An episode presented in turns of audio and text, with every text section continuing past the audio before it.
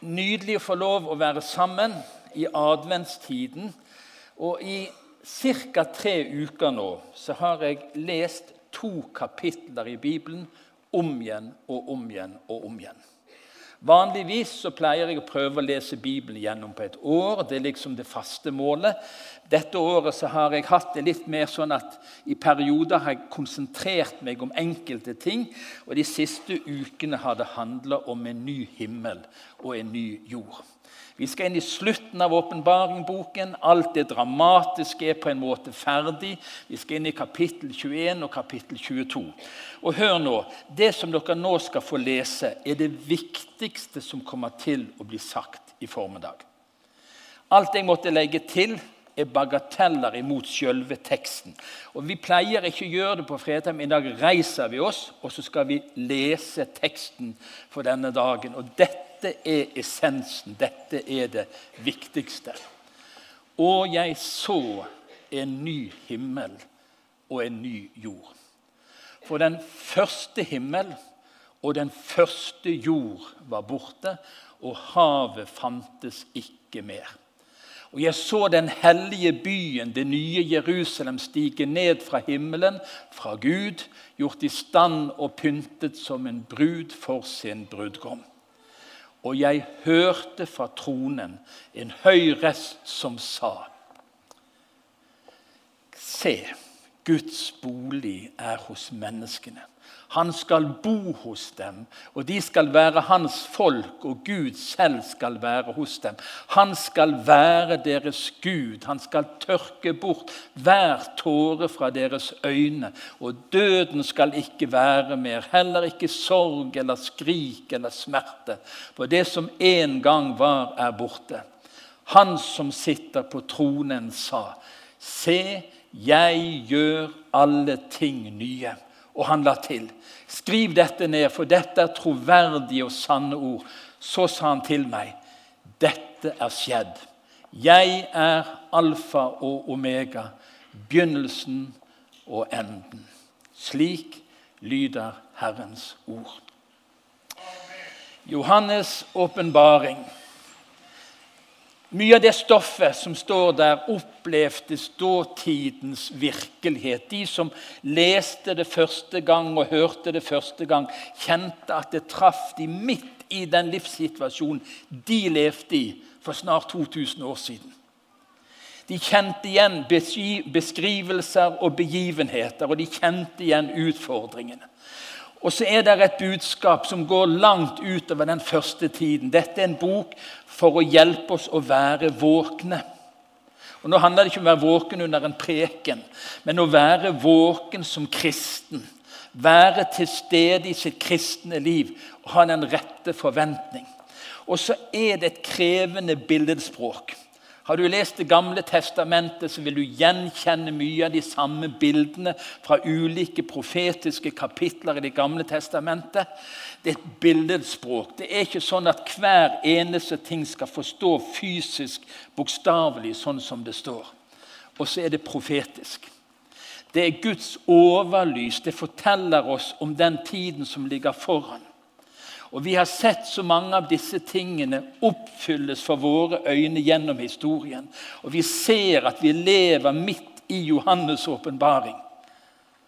Og jeg tror vi nærmer oss sluttkapitlene i denne boken. Jeg er alfa og omega. Han er begynnelsen. Det begynner med Gud, og det kommer til å ende med Gud. Det begynner med Jesus. Alt er skapt av ham, ved ham og til ham. Og en dag skal vi se ham og prise ham i evigheters evighet. Og Det er en historie som henger sammen. Det begynner med at Gud skapte. På forunderlig vis så sa Gud Guds ord sa, 'bli lys', og så blei det lys. Og så avsluttes det etter tusener av år at Gud skal skape noe nytt. En ny himmel og en ny jord. Og mellom dette at han skapte, og at han skal nyskape, lever vi. Og alt dette som står i Skriften, er imellom disse tidsaldrene fra begynnelsen til slutten til enden. Så lurer vi på hvordan skal det være dette forholdet mellom den gamle og den nye jord. Jesus sier det i Matteus kapittel 19. Jesus sa til dem når alt blir født på ny, og menneskesønnen sitter på sin trone i herlighet Det er det samme språkbruket som brukes om den nye himmel og den nye jord, som brukes om det at vi tok imot Jesus og ble født på ny. Vi fikk, ble en ny skapning, står det. Det ser ganske likt ut. Men det har skjedd noe helt dramatisk nytt. Vi som ikke passet inn i himmelen på noen som helst måte, er født på ny til et levende håp ved Jesu Kristi oppstandelse fra det døde. Og den nyskapelsen skal alt det skapte, himmel og jord, en dag gå gjennom. Og dette er, enten vi tror det eller ikke, den virkelige historien. Historie var mitt favorittfag på både ungdomsskole og gymnas. For det er så mye spennende som har skjedd i historien. Men den virkelige historien er mellom disse permene. Dette er sannheten om livet. Dette er sannheten om mennesket. Dette er sannheten om Gud. Dette er sannheten om evigheten. Alt utfolder seg mellom disse permene i denne boken. I Det gamle testamentet så møter vi skapelsen, syndefallet, og løfter gjennom kapittel etter kapittel om at Gud skal gjenopprette, Gud skal frelse, Gud skal ordne. Evangeliene forteller oss om Jesu liv, hans død og oppstandelse. Apostelens gjerning og brevene forteller at denne frelseren han har flytta inn og bor i sitt folk ved sin ånd. Han er der oppe ved Faderens høyre og er med oss alle dager. Og så kommer vi til boken Johannes' åpenbaring. Jesus er herliggjort. Jesus er sånn som han var fra evighet av. Han har fått tilbake igjen den posisjonen han hadde før tiden, før skapelsen. Og så handler det om at den herliggjorte Jesus nå skjer det noe nytt, og vi skal kikke litt på det. Og Så sitter du med noen tankemessige utfordringer. Det gjør jeg òg. I møte med både det vanskelige, utfordrende, krevende tekster i denne historien, og med livet ditt, med hverdagen din med utfordringer du står midt oppi i ekteskap, i familie, i jobbrelasjoner med helsen din, så lever du med spenninger. Din livshistorie som rammer inn her, er krevende. Og du kjenner at du utfordrer deg. Og Du skal få en liten sånn oppfordring nå i begynnelsen. Bibelen sier det, Paulus skriver det. Vi tar hver tanke til fange under lydighet mot Kristus. Den egentlige historien står her.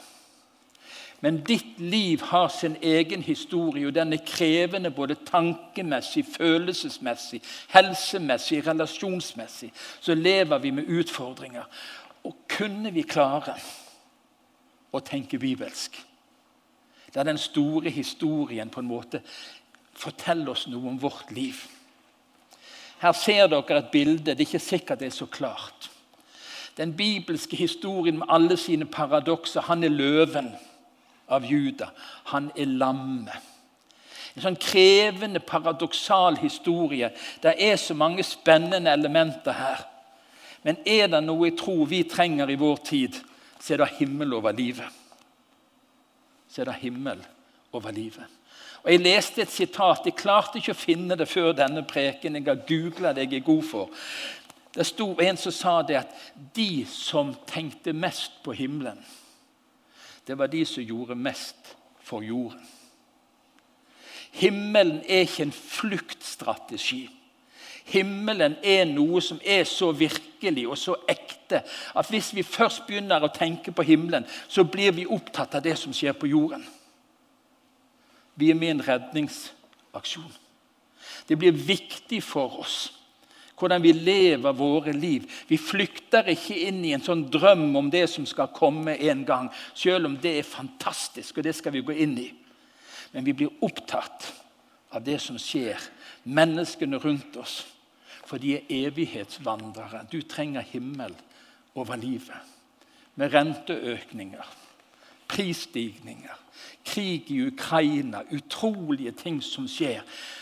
Så trenger vi himmel over livet. Vi trenger å forstå verden i et større historisk perspektiv enn det som skjer her og nå. Det skal komme en dag, sang vi før. Det skal komme en dag. Der ligger noe foran folk. Der står i denne teksten 'Jeg gjør alle ting nye'. Gud er ikke ferdig. Gud arbeider, Gud skaper, Gud nyskaper. Og det første som er vekke Og havet fantes ikke mer. Nå ble jeg litt lei meg.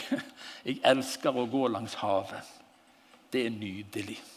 Fantastisk fargesprakene når du går der i kvelds, ser kveldssolen gå nedover si, havet der ute, så er det nydelig. Men inn i denne settingen som her er skrevet, så var havet en trussel. En utfordring, forlis. Det skapte avstand, det skapte skille. Bare les Paulus si, sin reise med båten, alle dramatiske begivenheter som skjedde på havet. Og hvem av oss har ikke opplevd storm på havet? Om det er med danskefergen og Jeg skal ikke si hvordan det ser ut både når bølgene bryter og frykten tar oss. Der er noe skremmende med havet. Og havet fantes ikke mer. Det som på en måte dekker to tredjedeler av jordens overflate. Og jeg tenker det er et billedspråk. Det urolige havet det opprørske havet, det truende havet, det livstruende havet, er der ikke lenger. Og De som leste dette første gang, tenkte halleluja, havet er ikke mer. Det som skiller, er ikke mer. Det som truer, er ikke mer. Det er det mørke, uutgrunnelige dypet som vi frykter, det er ikke mer. Det er borte. For oss som lever i vår tid, forstår vi ikke dybdene. Jesaja sa det på denne måten. Men de urettferdige er som det opprørte havet, for det kan ikke falle til ro. Og bølgene rører opp mudder og gjørme, og flere tekster i Bibelen understreker det urolige, krevende med havet. Og så kommer noe vi kan relatere oss til. Og døden skal ikke være mer. For noen er døden en befrielse. Langt opp i årene, et langt sykeleie. Troen på Jesus er på plass til stede, og de lengter hjem. For noen er døden en sånn befrielse. Men hvor mange av oss har ikke stått med en grav og grått? Det skjedde for tidlig. Det var krevende, det var utfordrende. Sorgen og savnet er så vanskelig å leve med. Det skulle ikke være sånn. Jeg var i en begravelse hvor en far fulgte sin sønn. Og Så var det dette med rekkefølgen. Så sier han det skulle ikke være i den rekkefølgen. Døden skal ikke være mer. Det er noe krevende, noe vanskelig. Og så sier Bibelen til oss den siste fienden som blir tilintetgjort, det er døden. Den fienden som vi kjenner på, som vi frykter, en dag er den tilintetgjort. Den fins ikke lenger der. Den er ikke til stede. Den har mista sin kraft. Hva leste vi? Han skal tørke bort hver tåre fra deres øyne. Og døden skal ikke være mer. Og så følger det som følger med døden.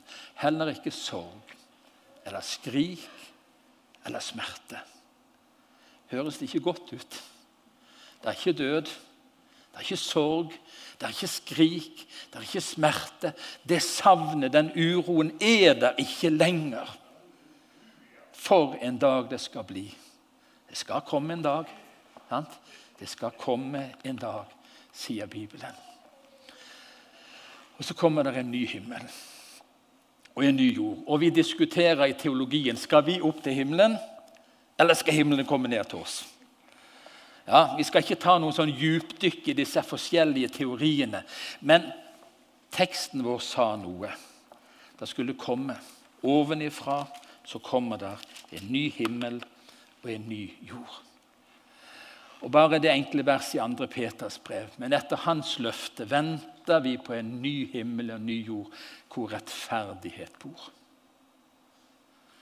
Der er mye urettferdighet. Der er mye ødeleggelse, undertrykkelse, utnyttelse, overgrep. Det skjer så mye urettferdig i denne verden.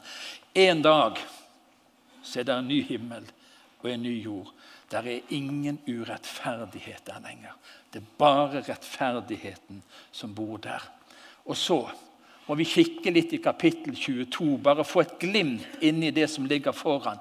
Engelen viste meg nå en elv med livets vann. Og nå er vi tilbake inn i skapelsen. Elven som gikk gjennom paradiset.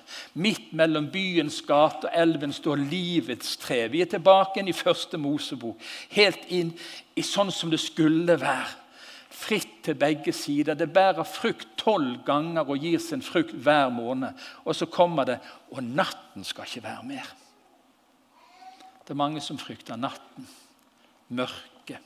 Det som senker seg over et menneskes sinn og tanke og følelser. Natten skal ikke være mer men det skal være et livgivende vann. Og igjen, De som levde i den si, østlige kulturen som de var en del av, de visste hva tørke var. Vi kjenner ikke så mye til det her hos oss.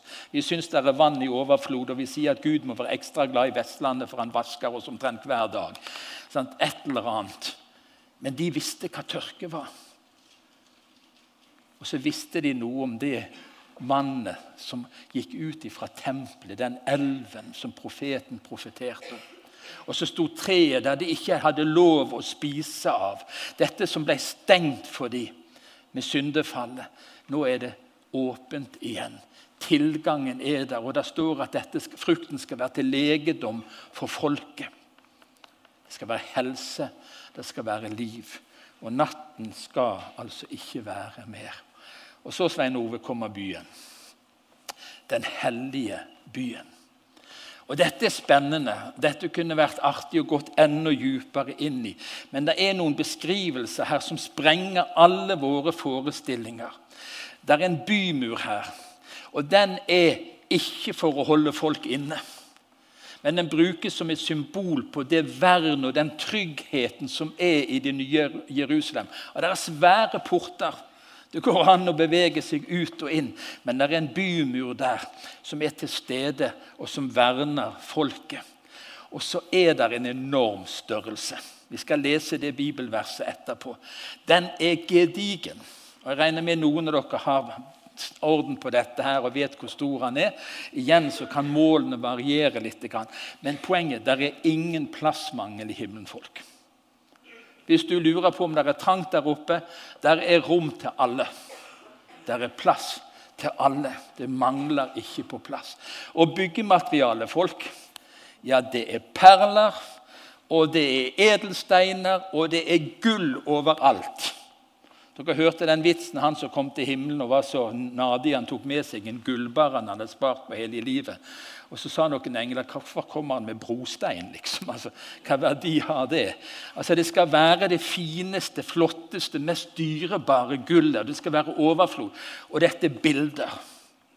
Det er ubeskrivelig å beskrive himmelen. Det er ubeskrivelig å beskrive det nye Jerusalem. Byggematerialene er de mest dyrebare som fins. Og disse her tolv smaragdene og juvelene Helt ubeskrivelig, det vi leser. Men alt det viktigste, alt det som ble ødelagt, alt det som gikk i stykker, alt det som har knuga og gjort livet i denne historien vanskelig, er borte. Og La oss lese. I ånden førte han meg opp på et stort og gøyt fjell. Det skulle vært høyt. Men det var det med fun facts som du leste, så det var sikkert en liten. Og viste meg den hellige byen Jerusalem. Den kom ned fra himmelen fra Gud. Byen var bygd som en firkant, og den var like lang som den var bred. Det var 12 000 stadier lang og like brei og høy. Og Ut ifra de målene jeg har lest meg til, så er altså lengden, bredden og høyden 222 mil i hver retning. Brukbar plass for en by. i lengde og bredde, over mellom 200 og 300 mil. Det er den byen som Gud på en måte skaper, bygger, gjør klar. Som på en måte skal komme ned en dag i all sin prakt og i all sin herlighet. Det blir ikke plassmangel i himmelen, skjønner du. Det blir ikke plassmangel i byen. Og ikke skal vi trenge lys, for Gud skal lyse. Ikke trenger vi noe tempel, for vi er nær Han som er innholdet i selve tempelet. Alt er annerledes i denne nye byen. Og så er det en hemmelighet her. Vi går til første kongebok. Lengst inn i tempelet innredet han det aller helligste. Dette rommet, som var 20 alen langt, 20 alen bredt og 20 alen høyt, kledde han med rent gull. Her har du bildet. Det aller helligste i tabernaklet. Det aller helligste i tempelet. Det som kun ypperste presten kunne gå inn i. Det som var bare for den ene utvalgte. Det nye Jerusalem er en kube og er det fullkomne. Aller helligste. Du skal få lov å bo i det aller helligste. Som, vi som tenker vi ikke er verdige, vi som ikke får det til, vi som er ureine, vi som kommer med livet vårt sånn som det. Den nye byen Jerusalem er det aller helligste. Og det kommer ned, og det er kledd med gull. Kledde han med rent gull. Det er vakrere, det er større. Og du skal få lov å være der. Du som ikke er verdig i deg sjøl. Det er ikke lenger for de få og de utvalgte. Det er for de som tror på Jesus, og som har vaska sine kjortler og gjort de hvite i lammens blod. Forunderlig språkbruk. For en dag det skal bli. Og det siste målet. Historien. Begynnelsen. Alle disse kapitlene alle disse tusen årene. Alt dette det handler om. Alt det Gud lengter etter, det han har skapt, det han har gjort, det målet er nådd, og det handler om et fullkomment fellesskap. Et av mine favorittvers finner du i Første Mosebok, knytta til skapelsen. Da hørte de lyden av Herren Gud som vandra omkring i hagen i den svale kveldsbrisen. ikke det nydelig? Guds mening, Guds plan, folk, det var å leve sammen med oss. Vi er skapt for å høre Gud vandre. Vi skulle stå der med forventning. Nå kommer han. Nå skal vi få se han. Men Adam og Eva de frykta, for de hadde synda. Men planen var fra skapelsen av at Gud skulle vandre sammen med sitt folk og skape verket. Det skal komme en dag. Han skal bo hos dem, og de skal være hans folk. Det er det som ligger foran folk. Det er det som venter oss. Det som ble ødelagt i paradiset, det som gikk i stykker mellom menneske og Gud, det er nå fiksa opp i. Det er ordna. Vi flytter inn i det aller helligste. Og han skal bo hos dem, og de skal være hans folk. Gjennom hele Det gamle testamentet så leser vi jeg vil reise min bolig midt iblant dere. Jeg skal være deres Gud, og dere skal være mitt folk. Vi får et glimt inn i Guds hjerte. Og så var det et folk som gikk sine egne veier, sånn som vi har gjort det så mange ganger. Men dette var Guds drøm, dette var Guds tanke. Jeg skal reise min bolig, jeg skal bo der. Og det skal være mitt folk. Og vi leser Se, Guds bolig er hos menneskene. Han skal bo hos dem, og de skal være hans folk. Og Gud selv skal være hos dem. Han skal være deres Gud. Merker du liksom, det, det er lag på lag. Det bankes inn, det beskrives. Og dette var troverdige ord, sa engelen. Dette er troverdig, dette er sannhet.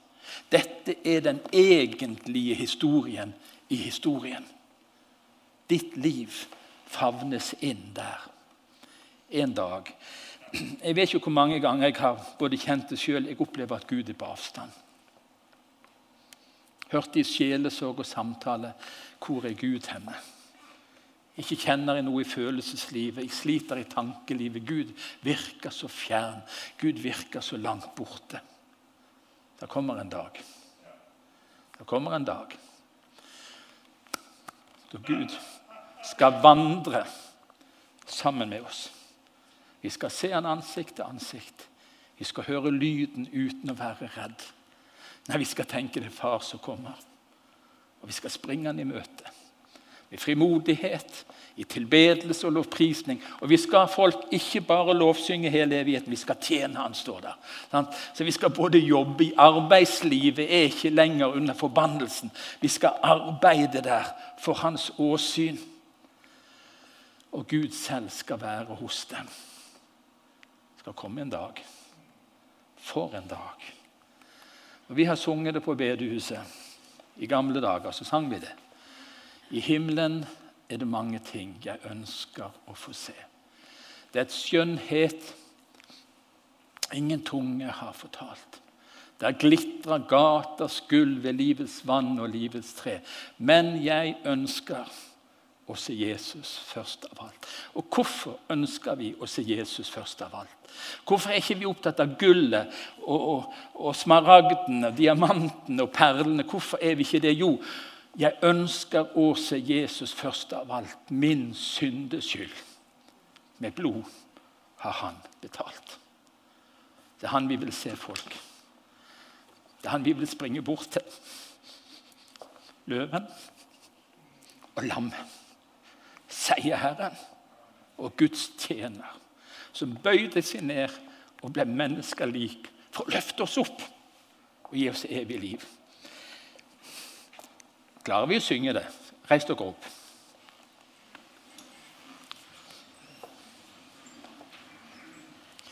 Noen av dere kan den. Syng med. I himmelen er det mange ting jeg ønsker å få se. Dets skjønnhet ingen tunge har fortalt. Der glitrer gaters gull ved livets vann og livets tre. Men jeg ønsker å se Jesus først av alt. Jeg ønsker å se Jesus først av alt. Min syndes skyld med blod har han betalt. Og slekt og venner kjær, jeg møte skal dem der. Men Jesus vil jeg møte først av alt. i stående. Vi avslutter i kapittel 22. Jesus oppsummerer. Jeg, Jesus, har sendt min engel for å vitne om dette for dere i menighetene. Sant? Nå har vi vitna om dette i menigheten. Og så avslutter han med å si Ånden og bruden sier 'kom'. Og den som hører det, skal si 'kom'. Og den som tørster, skal komme. Og den som vil, skal få livets vann som gave. Folkens, himmelen er en gave. Det evige livet er en gave, det er ingen fortjeneste. Den som tørster, den som lengter, den som ikke har fått det til, den som vet 'jeg trenger noe jeg ikke har', skal få det som gave. Og Jeg vet jo hvordan du har det med Gud. Hvis du ikke er en kristen som er her eller hører på i dag, så vit det at du er velkommen. Ånden sier 'kom'. Menigheten, bruden, sier 'kom'. Og den som hører det, skal få lov å si 'ja, jeg vil komme'. Og skal du få lov å ta imot livets vann. Det nye livet, den nye fødsel, som en gave. Det er svært, folkens, det som ligger foran. Det skal komme en dag. at smerte skal bli endt. Ingen tordenskyer mer, ingen tårer der vi ser. Men jeg ønsker å se Jesus først av alt, skal vi be. Jesus, takk for ditt ord. Takk for at dette er troverdig, og det er sant. Det er den egentlige historien Og så er våre liv som er her nå, en historie i denne historien. Og våre tanker farer ofte så langt vekk ifra sannheten. Ta våre tanker til fange under lydighet mot deg, Jesus. Og Jeg ber at alle som er her, alle som ser og lytter denne søndags formiddagen, skal å, slippe deg inn, Jesus. Slippe deg til. For det er de som har sagt ja her. Du skal ønske velkommen der. Og Herre, vi er i en redningsaksjon. Større enn vi aner rekkevidden av, Herre. Og nå i førjulstiden ber vi i Jesu navn om vekkelse i kirker og bedehus. På julekonserter og alt som skjer. Vi ber om at du, Jesus, må tre fram som løven og lammet som historiens herre. Vi ber, Herre, om at vi alle må være våkne, være klar. Og ikke bare med frykt, Herre, men med lengsel og glede og forventning. Si, 'Kom, Herre Jesus. Kom snart.' Amen. Vær så god og sitt.